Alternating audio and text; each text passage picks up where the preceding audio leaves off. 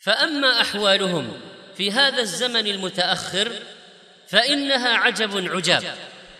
غير بعضهم عنوانه ورقم هاتفه وقطع صلته بأهله وتوفيت أمه وهي تعاني من فقد ولدها الذي لا يتصل بهم أبدا. وهكذا باع دينه وأهله وذاب مع أولئك القوم. ويقول آخرون من الشباب المبتعثين. كل أسبوعين يأتينا عرض رحلة مع المنصرين وتكون الرحلة ثقافية ورياضية وترفيهية منظمة ومرتبة. ويقول أيضا بعض الطلاب القدامى في الابتعاث عن الطلاب الجدد الذين جاءوهم أنهم انفلتوا من كل عقال فما أن وطئت أقدامهم تلك الأرض الغربية حتى أزالوا كل شيء.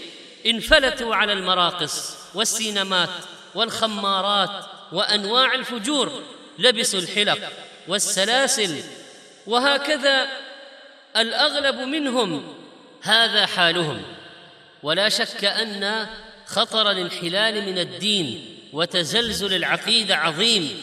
إنه من يشرك بالله فقد حرم الله عليه الجنة ومأواه النار. وما للظالمين من أنصار.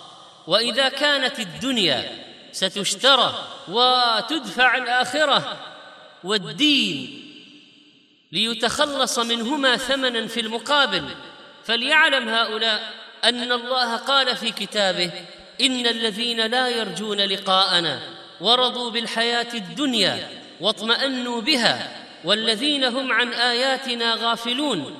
أولئك مأواهم النار بما كانوا يكسبون.